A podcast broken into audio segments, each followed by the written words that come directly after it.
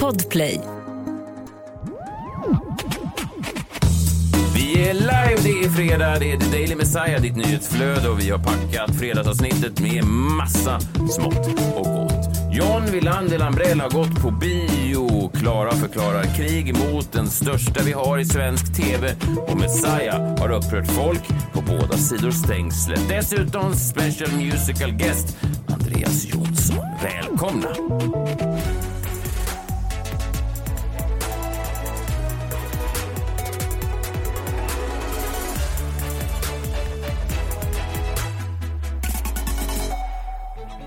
God morgon på er eh, fredag. Det är mars och eh, ja, jag vet inte riktigt. Jag, är lite, jag sa till någon häromdagen att det här är den längsta vinter jag någonsin har upplevt. Alltså, då menar jag inte vinter. sätt? Bara mental vinter. Jag tycker det har varit otroligt jobbigt. Det har varit en konstig, konstig tid. Jag har liksom yrkesmässigt gjort några av de eh, roligaste grejerna jag gjort i, min, min karriär. Som, Jaha, jag trodde det var den här podden som var det roligaste du hade gjort. Men... Även det. Jag, jag, jag har podden, ja. Precis. Ja. Och även andra grejer. men, men just att jag har eh, varit mentalt jobb, jag sli- slitit i övrigt. Så att jag, verkligen, jag tycker att mars kan de bara spola igenom. Och sen april, eh, då ska vi till USA också. Ja, vad kul att jag blev bjuden den här gången också. Men, vadå bjuden? Du vill väl inte åka till USA och se på wrestling? nej, nej, nej. det vill jag faktiskt nej, absolut inte göra. Då så. Nej. Nej, det Men ni gör ju eh, också annat. Du, Ja. kan inte ju gå heller, på spa när ni kollar jag tror heller wrestling. inte du vill betala priset för vad det nu kostar att gå på wrestling i USA. Nej, inflationen Men har även påverkat wrestlingpriserna. Ja. sinnessjukt. Jaha, hur dyrt har det blivit Ja, då? men det, det är Ja, vi ju det. absurda Ja. summor. Alltså, Nej, det är men absurda. Nej, du kan aldrig gissa. alltså, det, kan, och det är också så här, vi köpte dem ju Ja, i, men i nu, kommer, nu vill ju somras. alla veta. Ja, vi, vi kan inte säga. Vi Det är kan inte för säga. Jo, det, det måste ni kunna göra. Det kan inte säga. Vi måste podda i flera år Alltså, framöver 5 000 för att per biljett, betala av dem. 10 000 per biljett. Alltså, du, är inte, 15 000. du är inte i närheten. Nu kör vi! 20... Jaha, ni kan inte säga för att ni har partners och det här kommer bli, det kommer bli problem på hemmaplan om ni berättar hur dyra de här biljetterna var. Så ni har mörker det. Jag kan säga så här, jag fick använda min partners kreditkort för att sprida ut kostnaden. Ja, på riktigt. Vadå, och jag betalar fortfarande av henne det. i? Ja, ja. Gud, du är, Hela min verkligen, familj. du är ju en solovårare. Vilket, Nej, vilket, vilket skulle- mörkt eh, avsnitt av Ly- Lyxfällan sen. på, på den stora tavlan. Är 5 000 på kläder, 5 000 på bensin. Sen är det 78 000 wrestlingbiljetter. Nej, vadå 78 000? Nej, det är överdrivet. Mm. Inte så mycket. Ja, nej. nej, men jag hade kunnat gå, på spa eller någonting. Det är bara det. Så. Ja, jag förstår. Mm. Men du har ju så många barn också. Just det, det är därför jag vill åka. Poppy en pastejmaskin. Ja, bland annat. Just det. Det är Mello-semifinal på, ja, imorgon på lördag. Eh, och eh, då är det, det nya då är ju att det inte är dueller. Det tycker jag är, jag vet inte vad det är. Ja, varför blir jag glad av det här? Jag, undrar- jag blir lite glad över det. Jag tycker att det känns spännande. var ju skit. Jag, jag tyckte de var kul när de kom också. Jag är verkligen gammalmodig. Jag älskar verkligen Mello. Jag önskar att jag någon gång får jobba med det. Alltså, det vad de än trycker ner i halsen på dig så sväljer du. ja, om du säger det så. Det låter nästan... det, det är så det är. Ja, visst. Det är väl en bra egenskap. Det blir så man blir omtyckt. Det var i alla fall så Emilia på mitt högstadie blev omtyckt. Va? Hon älskade polkagrisar. Hon var från Gränna. Det var naturligt för henne. Så nu kör vi! Semifinal i Melodifestivalen. Det är åtta akter och fyra låtar. Gå vidare. Vilka hoppas du på? Ja, då ska vi se. Teos tror jag kom... Nej, Mariette. Jag Men vill inte säga... vad du Förlåt, tror, jag måste, jag måste säga det. om vad du tror. Nej, Eller vad du, alltså, det Okej. finns odds. Okej, artisten här är Teos, Mariette, eh, Victor Krone, Tennessee Tears, Elov och Benny. Benny? Vem är Benny? Benny, ja, Benny. Vem är Elof? Ja. Melanie Webe, eh, Nordman och Kiana. De som går vidare måste ju då vara Kiana, Nordman, Elov och Benny, Teos. Mariette och Tenos. Teos. Nej, Mariette kanske missar då. Teos, Elov och Benny, Nordman och Kiana. Jag tycker det är en konstig grej med... Alltså det här är inte de jag tycker är bra, ska jag säga. Ja, Men jag du- tycker de ja. är de bästa. Mm. Ja, det här är ditt odds? Ja. ja okej. Jag tror att man ska lita mer på de stora oddsbolagen. Vad säger oddsbolagen då? Nej, men det, det som var konstigt var att så här, det, var ju, det var ju ingen epadunk-låt i årets Mello. Nej. Alltså, de har Nej, ju verkligen Elo- missat det helt. Vi pratade ju om det. Att de Ja, måste fast Elo Ja, fast den räknas är, ju. ja, men den är ju inte epadunk. Så där låter ju inte. Det där är ju någon slags schlagerdänga. Ja, det är lite raggarslager liksom. Ja, det vet jag inte vad det är, men det var ju inte epadunk i alla fall. Vilket är tråkigt. Mellon är alltid några år efter. Ja, verkligen. De presenterar ju hiphopen så här 2012. Ja, exakt. Och så har de bara... Och så, I formen av eh, Molle från baren. Men så här hiphopiga de kunde hitta. Ja, men typ. Så att eh, de är alltid efter liksom. Ingen mörkhårig, Nej. sa, sa ju Christer Björkman. Ja, just det. Mm, och så blir det Molle. Och Ann-Louise Hansson i en rap battle. Det var ju verkligen fortfarande obehagligt. Ja. Ja, det var det fan. Riktigt obehagligt. Jag ska gå på finalen faktiskt. Det ska bli eh, kul. Det känns som en, en bra final i år. Jag är väldigt förtjust i Mello. Ja, Eller jag är avis faktiskt. Mm. Vilken det håller du på? Vilken låt tycker du är bäst? Man börjar få lite så 2012-vibbar med Loreen igen. Då, då var det ju Danny som var den stora konkurrenten. Eh, lite då med Marcus Martinez och Loreen. Och så även då Maria mm, Sur. Hon heter så, det är inget. Nej, nej. Nej. De tre gör väl upp om Ja, gillar du låten eller tänker du att det är Ukraina-kopplingen? Ukraina-kopplingen. Okej. De har väl vunnit allting egentligen sen kriget. Tror också Alltså, de är favorittippar att vinna Eurovision Ja. även i år. ja, alltså de vinner allt. Ja, det var ju tufft också. Ja, precis. Vi har varit inne på det är inte tidigare. bara vinster. Nej, nej, många såklart förluster rent manfallsmässigt och Mm. emotionellt så, givetvis. Men just om man ska ut och Men- tävla i Europa. Så är det. Ja, de, man har ju mycket goodwill, Ja. såklart. Mm. Jag kan tänka mig att ukrainska ståuppkomiker kommer ha en jävla vår efter det här, om de reser runt i Europa. Ja. Det har speciellt en. Vem? Zelensky. Zelensky. Ja, han ska ut på en sån stor eh, Ja, men det är han väl förtjänt av. Ja, Kan man ju tänka sig. ja. Alltså folk kommer ju trilla av stolarna bara han antyder så. Ja, men bara hosta. Ja, alltså, de is, det här is this on? Wow. Om kriget är slut då, och Ja. hur ska han liksom leva upp till legenden av sig själv om han inte dör? Ja, okej. Ja. Ja, Nej, alltså, det... Vad ska han gå tillbaka till? Liksom, ska han fortsätta styra Ukraina? Han, då kommer han ju kliva av garanterat. Mm. Måste han, han göra. gör ju den här turnén då. Full, fulla hus. Vadå, så ska han stå och skämta på en scen Vadå, efter han har liksom Waterfront? lett Ja. ett land Jag tror han kan dra mer än Waterfront. Det är, det är bara... det är 4 000 pers. Jo, jo, men den kan- Globen kan Globen? väl- Ja. Globen är så dålig arena för stand-up. Är det? Ja, Ja, man, man det kanske är inte bryr sig. Det ekar väldigt. Ja, med ljudet där. ja. Mm. Därför har jag valt bort det. Waterfront blir det. Zelensky. Han kanske säger så till sin stab nu. Kan de rappa på det här kriget för jag, ska, jag har bokat Waterfront Jag har 2025. bokat- Jag har bokat Raw Comedy Brunch i Malmö. 2025. Så att jag, Mårten Andersson är på mig hela tiden. Det vore bra om vi kunde rappa upp det här. Ja.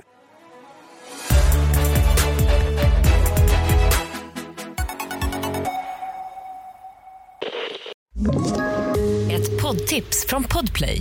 I fallen jag aldrig glömmer djupdyker Hasse Aro i arbetet bakom några av Sveriges mest uppseendeväckande brottsutredningar. Går vi in med hemlig telefonavlyssning och, och då upplever vi att vi får en total förändring av hans beteende. Vad är det som händer nu? Vem är det som läcker? Och så säger han att jag är kriminell, jag har varit kriminell i hela mitt liv men att mörda ett barn, där går min gräns. Nya säsongen av Fallen jag aldrig glömmer på Podplay.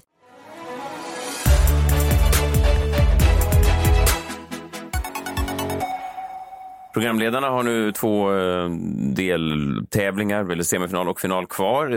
Det kändes ju lite som att det som hände sist, det här när de här våtmarksaktivisterna tog sig upp på scen, vände opinionen lite i fördel då plötsligt för Jesper Rönndahl och Farah Abadi. Ja, Alltså men de, kanske. de hade ju varit kritiska. Jag och trodde nu- du skulle säga mot våtmarker. Nej, det tror jag folk har glömt i samma ögonblick som det där freaket Ja. kom upp på scen. Men, men eh, att folk var ju så väldigt kritiska mot humorn och sen stod de där och babblade på. Men jag, jag förstår inte riktigt. Jag tycker de programledarna har varit grymma. Ja, de har väl varit, de är väl gu- gulliga liksom. Men därför så blev jag så otroligt frustrerad och också eh, lite arg och bestört när jag läser tidningen då att min absoluta nemesis, Pekka fucking Heino. Konstig Han- nemesis. Men jag hatar honom! Ja. Ja, han förlåt, jag hatar, det är ett för starkt ja, ord. Men jag tycker, inte, jag tycker inte att Pekka Heino beter sig schysst. Han beter sig som en jävla mobbare. va? Aha. Han går ut eh, på sin Instagram och skriver då att Jesper Rönndahl framstår för mig som en andra klassens komiker som mest bara skrattar åt sina egna skämt. Vad är det? Varför sitter Pekka och skriver de här grejerna? Det är bara elakt. Och sen så eh, skriver han då om det här eh, avbrottet när den här aktivisten gick upp på scenen så tyckte jag att Farah Abadi och Jesper Rönndahl skötte det skitsnyggt. Mm. Verkligen. Mm. Man vet ju själv hur det kan vara. Eller nej, jag vet inte alls hur det är. Du kan tänka dig hur det kan Jag kan tänka mig Ja. hur det är, eh, för jag har ju suttit på andra sidan i bussen när sånt där hände. Och Så man, känner jag ofta om när flyg kraschar så kan jag tänka, åh gud.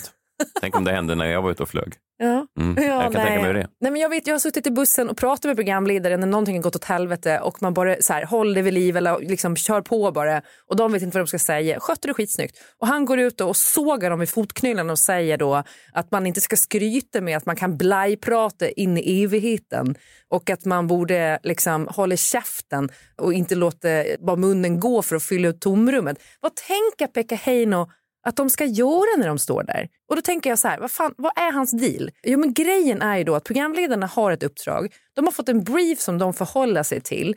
Det är alltså inte programledare, inte Jesper och Farah som har bestämt att de ska stå där och blajprata. Det är inte de heller som säger att det här är inriktningen vi ska ha på Melodifestivalen. Utan de har SVT som ger dem briefen. Och SVT är också väldigt noga med den briefen. Samma var det när han mejlade då otäcka mejl till mig Oj. om vår Oscarssändning för några år sedan. Vi hade fått en brief Pekka fucking Heino. Vi hade inte skapat innehållet efter eget tycke och smak. Det Pekka Heino nu gör en sport av, det är att skjuta budbäraren. Och jag känner att jag ryser av obehag bara jag ser de här svarta konturerna av hans namn i kvällspressen. Oj. Ryser. Gud, vill man verkligen ha honom emot sig? Han känns som att han kan... Nej, han, han- är det- snabb på... eh, Vet du vad? Om det är någon, Tangenterna. om det är Man vill någon, inte ha som, Klara emot sig heller. om det är någon som kan stå upp mot en jävla mobbare, då är det jag. Verkligen. Ni skulle kunna ha en uh, mob-off. nej, nej. men jag menar bara att. Pekka Heino har ändå liksom varit programledare i många, många år. Jag tycker fortfarande att nu sparkar jag uppåt och det jag gör är att jag, jag call him out on his bullshit. Mm. Det är inte som att han inte, han, han har skrivit otrevligt och elakt. Både till mig och om andra. Ja. Offentligt och publikt. Ja. Det är klart att han ska få ta konsekvenserna för det. Verkligen. Ja. Det finns ingenting som säger mer sparka uppåt än att ge sig på Pekka Heino. Det kan man vara säker på. på tal om folk som befinner sig på toppen, eh, John, du ska prata om kungen. Hmm. Långt uppe på vinden där hittade han den. Det var en tombola, han sa fint att se dig min vän. Han gav den ett namn och den öppnade sig. Det blev en jag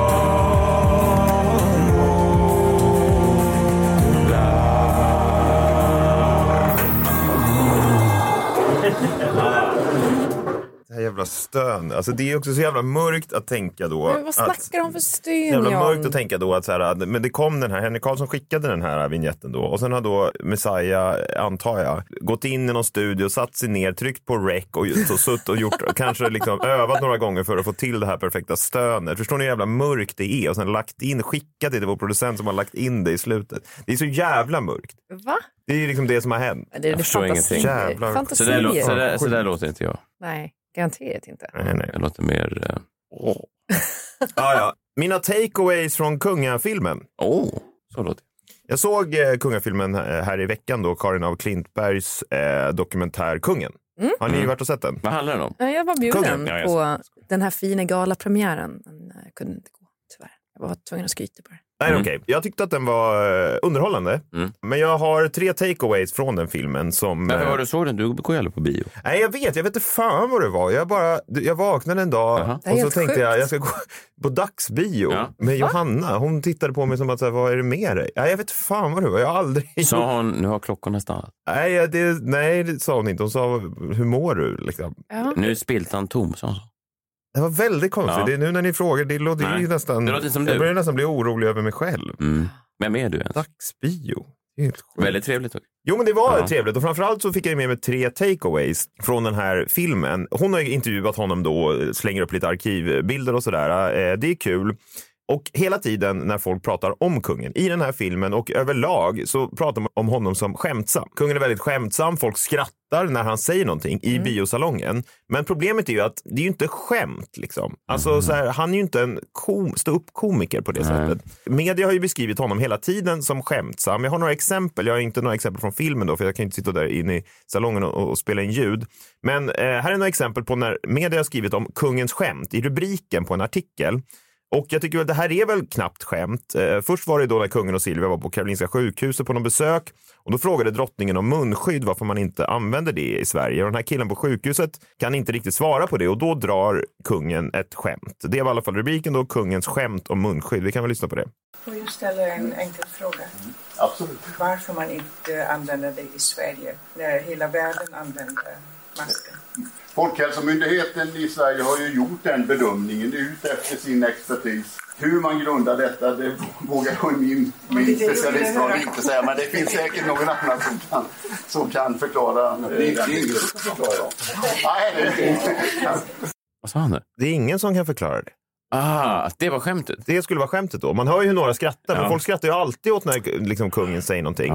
Och så dyker jag ner i historien och tittar på andra då av kungens skämt. Och jag vill liksom ha reda på varför, hur det har kunnat bli så här och vem som är ansvarig. Och det är inte riktigt som till exempel med, med Göran Hägglund som man sa då var liksom regeringens komiker sådär.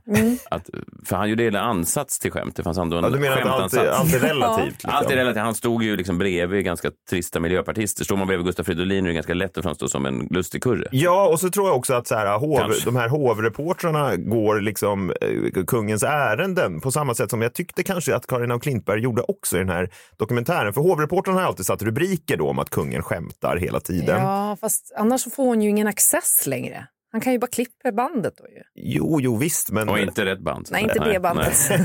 Nej, men om vi lyssnar på ett annat av kungens skämt. Rubriken i Expressen var Kungens skämtsamma svar om Silvias hälsa. Han får ju då frågan om Silvia som ligger på sjukhus. Drottningen skulle ju åkt med, med kungen och blev ju hastigt sjuk här. Hur, hur mår drottningen nu? Ja du, om det som det är du som frågar så tror jag jag skulle säga att hon mår, hon mår jättedåligt och jag tror faktiskt eh, det är nog läge för några läkare att skära av hennes öron tror jag faktiskt. För att det är så allvarligt. Ja, det, är ändå, skrattar ni. det är kul för det är så jäkla apart. Ja, Vad men säger det- han? Nej, men han, han frågar då hur mår den här Johan T Lindvall, den här hovreportern. Ja, ja. Han frågar då hur mår drottningen? Då säger kungen att de ska eh, skära av hennes öron. Precis, Ja. det är så märkligt. Ja, det är märkligt. Det är inget skämt. Jo, men det är kul för det att det borde är vara märkligt. kungens märkliga svar. Nej, precis. Det är inte, finns det en ansats till skämt här dock? Han måste ju... Jag tror inte Jag tror att bara ribban har sänkt så jävla mycket för vad man förväntar sig av kungen. Ja, och Det den är här... en galen människa som svarar sådär. Ja, men, och den här hovreportern då, Johan T Lindvall på Expressen, han har ju legat bakom mycket ointressant genom åren. När prins Carl Philip var på väg på ett flyg från Grekland till Sverige så var ju han på plats på det här flyget och jag läser bara kort från hans artikel. Carl Philip njöt av flygningen och det enda som verkade irritera honom var luftkonditioneringen. Flera gånger skruvade han på den innan han blev nöjd. I Grekland hade det varit gott om öl och sprit i sällskapet men nu på väg hem till Sverige var det läsk på burk som gällde. Carl Philip nöjde sig med Coca-Cola. Ja, det är alltså från en riktig artikel. Då. Eh, en ny rubrik, en annan då var ju Aftonbladets hovreporter, hon vill inte vara sämre, hon Jenny Alexandersson. Då skrev hon kungens kattskämt. Och jaha, var det här ett skämt då? Det är det som är så viktigt. Ursäkta, jag står och tittar på en liten katt som sitter här. Jag vet inte om du kan filma den snabbt här. Den var väldigt söt faktiskt.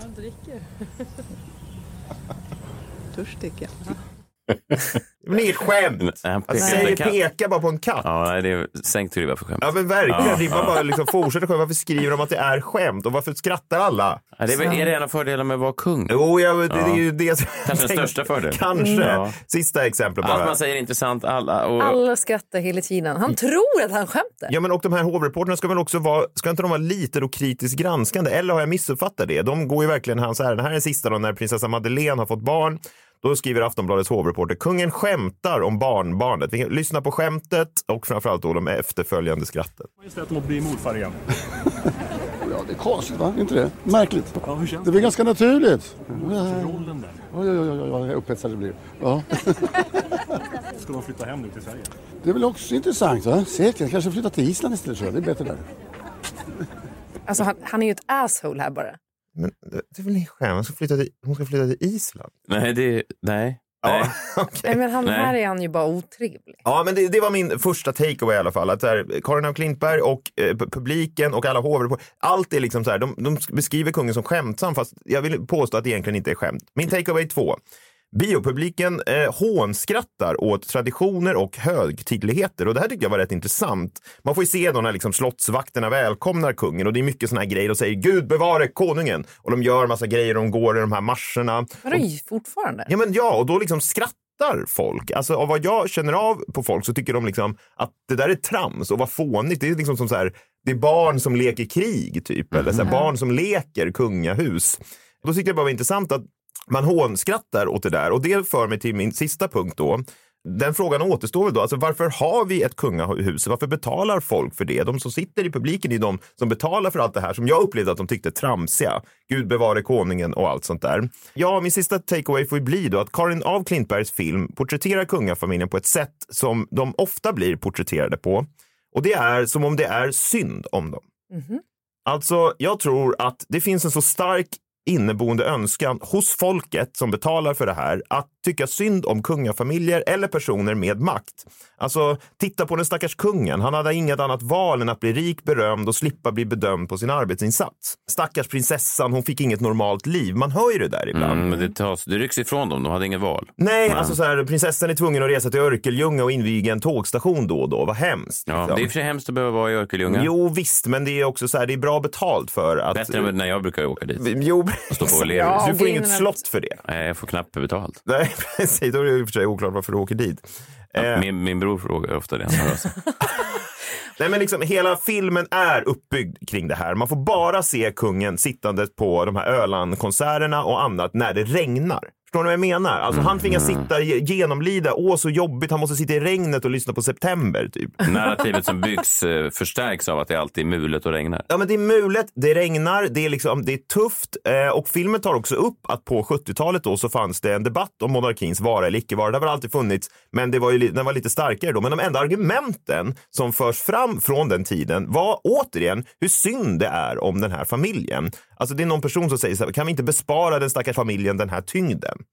Allt handlar ju så mycket om vinkling. Man skulle ju kunna gjort en film som visar på liksom vilket fantastiskt liv kungafamiljen har blivit tilldelade. Alltså slotten, villorna på franska rivieran, pengarna, hur de liksom då överöses av en massa kärlek från människor bara de visar sig ute på någon trappa. Men Du vet att de också har personliga förmögenheter som inte är apanage va? Apanaget är väldigt litet och det mesta av apanaget går till att eh, ta hand om fastigheterna. Vad tror du de pengarna kommer, vad tror du de pengarna kommer ifrån? Jo men vi måste ju ta hand om slotten för de är kulturminnen John. Jo, jo, absolut. Men den här familjen, min poäng är bara den här familjen har gott om pengar. De har inte riktigt gjort något före. Men den här filmen får det att framstå som att kungen har haft det skitjobbigt. Liksom. Stackars kungen, han måste vara kung. Stackars prinsessan, hon måste vara prinsessa.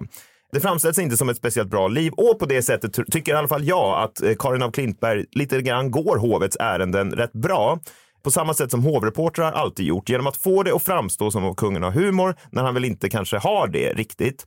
Hela filmen känns liksom som ett hitjobb från, alltså ett motsatt hitjobb. Ett hyllningsjobb. En beställning. Ett rimjobb. En, ja, Ja, så kan man ja, se det då. ja. Eh, alltså som om hovet har beställt den här filmen. Att kolla, trots att det är så jävla tufft att vara kung så har han ändå lyckats för att det är liksom hans Men det är väl klart plikt. att det är så, annars skulle han inte ställa upp på det. Ja, jag kan i alla fall inte föreställa mig en bättre propagandafilm aldrig få access för kungafamiljen. om han inte kan få vara med och bestämma hur han ska porträtteras. Det måste man ju räkna in. Nej, nej, okej. Ja, nej, men i sådana fall bra. Då har de lyckats. Men Ja. den var också underhållande att se. Mm. Hovet ringde Karin Klintberg och sa, hej vi behöver ett rimjobb på kung.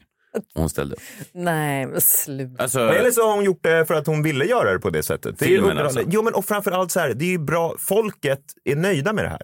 Det håller folket i schack. Men tror du inte... Ja, man kan sitta och skratta åt stackars, han behöver liksom sitta i regnet och han behöver göra alla de Jo, här men jobbiga det, grejerna. Alltså på, eh, på 1700-talet då så, så satt de ju och liksom hade sina middagar inför folket på slottet. Så fick folket komma dit och bara stå och titta på kungen när kungen åt sin måltid. Åh. Det var, det, ha- det var, det var Det- väl det är funkade otroligt. då. Det har varit så här i alla tider. Och jag tror så här, kanske inte med den här regeringen nu, men ganska snart så kommer både den brittiska monarkin och den svenska monarkin och den norska monarkin och den danska monarkin, den kommer dö. Tror, jag, jag tror inte ens att Estelle kommer bli kron, eller hon kommer inte bli drottning. Nej. Det tror jag men, men vad sa du? Alltså att förr i tiden så kunde folk gå Ja. fram och ta en del av vad kungen åt och fick Nej, höra vad... man får- men se, man- stå och titta på en, Man fick en stå av... bakom. De, de satt och åt eh, med ett rött band Ja, du emellan. vet, du Ja. känner inte vad det här är på väg, Klara. Och de, var, de visade ett intresse då för vad som... Nej, stoppade i ja, munnen. jag sa Du inget. du Jag sa inget. Otroligt, Jag så, så borde Ja, man... Så, nej, jag Nu kommer den. Så Tre, borde man- två, ett. man så borde man verkligen ha det. Det är så gott med tassos i alla dess smaker En miljon tassos och en miljon smaker Messiah testar alla tassos som finns Hej! Hej, hej, hemskt mycket hej. Eh, Varje fredag brukar jag och min familj, precis som kungen då på 1700-talet, åt eh, det han var... det han åt.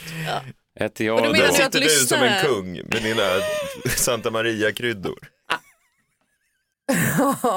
Som en riktig kung. Trepackskryddor. Jag känner mig som en kung. Vadå lyssnarna nu är folket då som, som lyssnar på det och tar del av Ja, din så ska- middag? så skulle man kunna säga. Ja, fy fan. Vilka, vem, är- vi, är, vi är Karin af Klintberg här som bara Ja, låter, det, låter det få hända. Har du mer, eh, Okritiskt granskande dina jävla tacos. har du mer Tassos. respekt för Karin nu? Att man sitter liksom i den här sit- ge- Nu situationen? är, kungen, va? är, nu är kungen hungrig. Och varje fredag så har jag då ett speciellt eh, tillbehör till mina tassos. Och idag har jag ingenting annat än rökt pancetta. Ja, Det är så gott med tassos i alla dess smaker. En miljon tassos och en miljon smaker. Messiah testar alla tassos som finns. Hej, Men du hör ju på ordet pancetta att det inte är mexikanskt.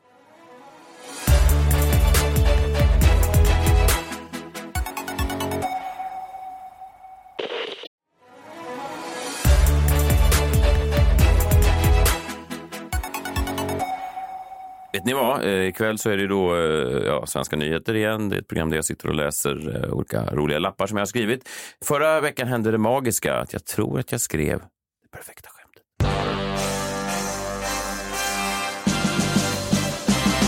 Ses med Jo, precis. Svenska nyheter, om man inte har sett det, det är då ett lappprogram om olika nyheter och så säger man olika vitsar. Ibland så skrattar folk och sådär. Och sen ibland så delar man de här grejerna viralt, eh, eller man vill att de ska gå viralt. Man delar dem, är det så? Säger man att man delar något viralt? Nej, viralt blir det sen. Det blir viralt. Man delar det och sen kan det bli viralt. Så Ja. är det. Precis. Mm. Man delar det och sen blir vissa grejer virala. Och eh, förra veckan så tror jag att jag framförde ett skämt som jag egentligen bara eh, improviserade fram hälften av det. Men jag tror att det kan vara det perfekta skämtet för det visar sig att jag upprörde människor på alla sidor trots att ingen riktigt Ja, vi kan spela upp eh, skämtet i bara 40 sekunder. Det handlar om den här Sverigedemokraten i Kalmar, ni vet, han som trodde att de skulle bygga en moské som var 10 000 hektar stor. Sverigedemokraterna i Kalmar försökt stoppa bygget av en ny moské. Sen vill man bygga med närmare 10 000 hektar bygga en moské. Det anser inte vi vara rimligt. 10 000 hektar, det är ganska stort. I relation till Kalmar skulle den nya moskén vara så här stor. Jag, jag vet inte... Ja, det... det är... Jag, eh, jag är för religionsfrihet, men vi kan inte ha moskéer som är nästan lika stora som min lokala paddelhall. Det går inte. Det... Och det där tror jag inte ens att självaste Mohammed hade gillat. Mohammed är alltså killen jag spelar padel med. Han är... Ingen smashar som profeten, brukar jag säga. Ingen Ingen som, som profeten. Nej. Ehm, ja, det, det är väldigt fånigt skämt. Men i alla fall. Det var intressant då det här. Eh, upprörde människor på alla sidor. Först delade jag på Instagram och direkt var det några sådana SD-gubbar som blev arga Mhm. och skrev eh, när ska du vakna? Jaha. Eh, Att man var någon Mm. slags, man var maktens eh, hund eller något sånt där. Maktens lakej. Det var- Då satte jag igång och blockade några SD-gubbar. De menar att du hakade upp dig på eh, hektargrejen. Ja, de menade att bara det faktum att det, att det byggs moskéer i Ja, Sverige det- borde ju varit Mm. nyheten. Mm. Eh, Så att då tänkte jag, okej, några SD-gubbar. Ja, Man kan inte vinna varje gång. Blocka några SD-gubbar, det kan man göra. Sen delade jag den här Mm, på du TikTok. blockar dem alltså? Ja. Ja, okej. Får man inte göra det? Jo, jag är bara intressant.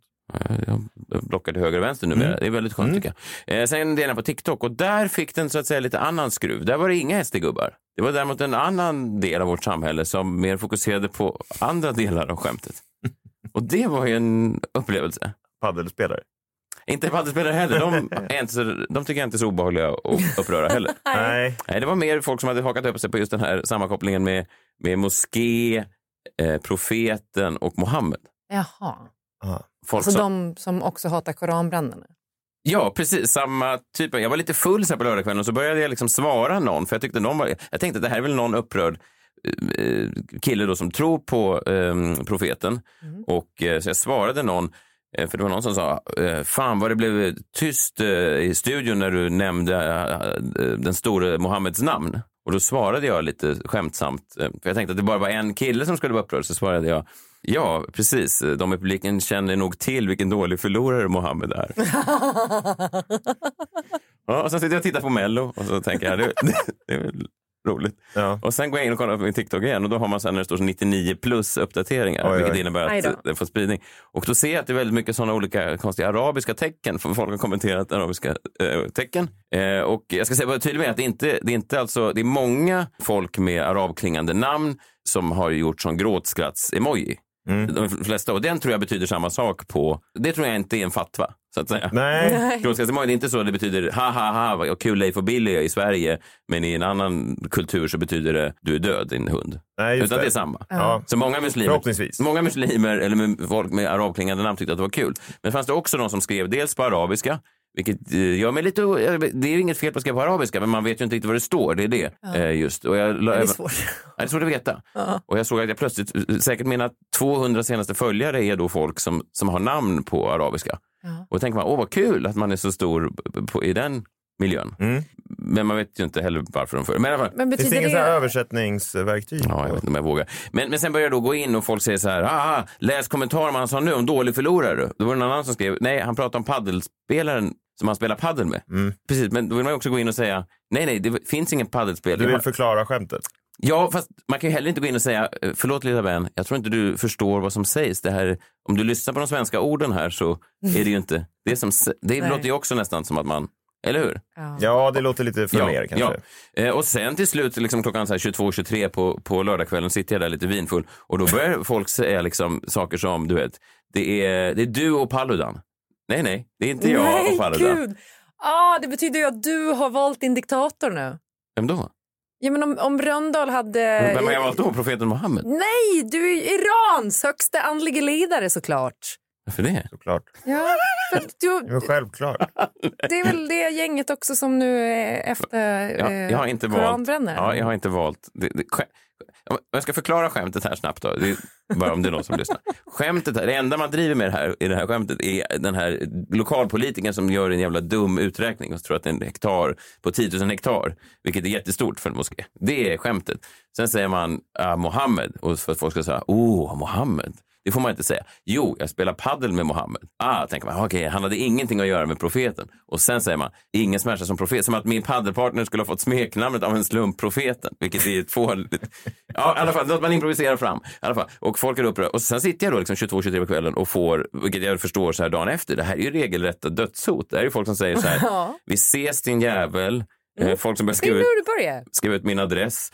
Någon säger, det här är Lars Vilks 2.0, vilket jag tyckte ändå var eh, intressant. Kanske Ja. inte intressant, skrämmande. Ja, men lite. Och, och, och sen, ja, jag, var- jag, var- jag var bara fascinerad. Och, så att det var, på, på Insta var det då SD-gubbar som var upprörda över att man, jag vet inte, hyllade moskéer eller någonting.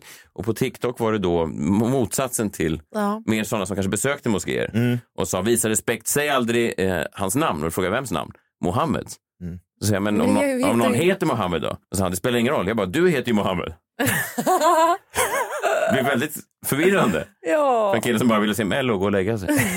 De var lite vinfull. ja.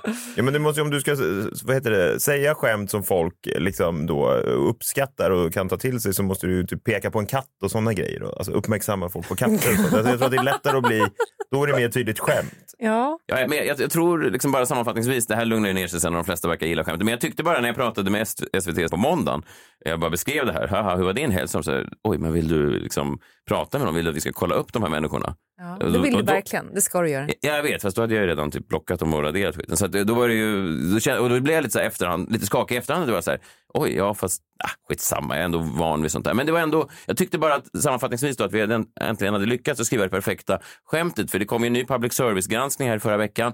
Folk vill liksom strama åt, folk säger att det är omöjligt att göra underhållning i public service. Men här lyckades vi alltså att skriva ett skämt som var så perfekt att båda sidor kokade och man förenade då eh, olika ytterkanter, att de då tillsammans med en unison röst skrek Lägg ner skiten, Ja. inte för mina skattepengar.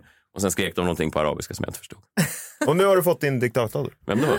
Ja, men Irans högsta andlige ledare. Nej! Själv, helt, Ja. Självklart. Vad heter han då? Sayed Ali Khamenei. Jag kan ju inte ens säga hans namn, varför skulle jag valt honom? Såklart. Valet är gjort. Ja, vi får se om jag är här på måndag. Eh, ta hand om er. Säg inte så. Nej, verkligen inte. Men eh, annars så tror jag faktiskt att eh, Martin Björk har uttryckt intresse för att ta över, vilket är ju eh, kul för oss alla. Vi hörs nästa vecka. Då. Ta hand om er själva och varandra. Ha en trevlig helg, det ska jag. Hej, hej. Hej! Friday, Friday, gotta get down on Friday. Everybody's looking forward to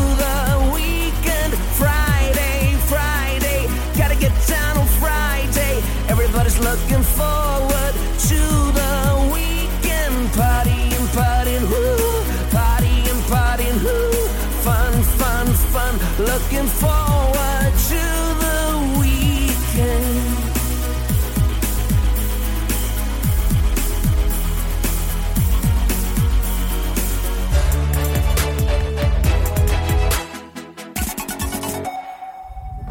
Podplay, en del av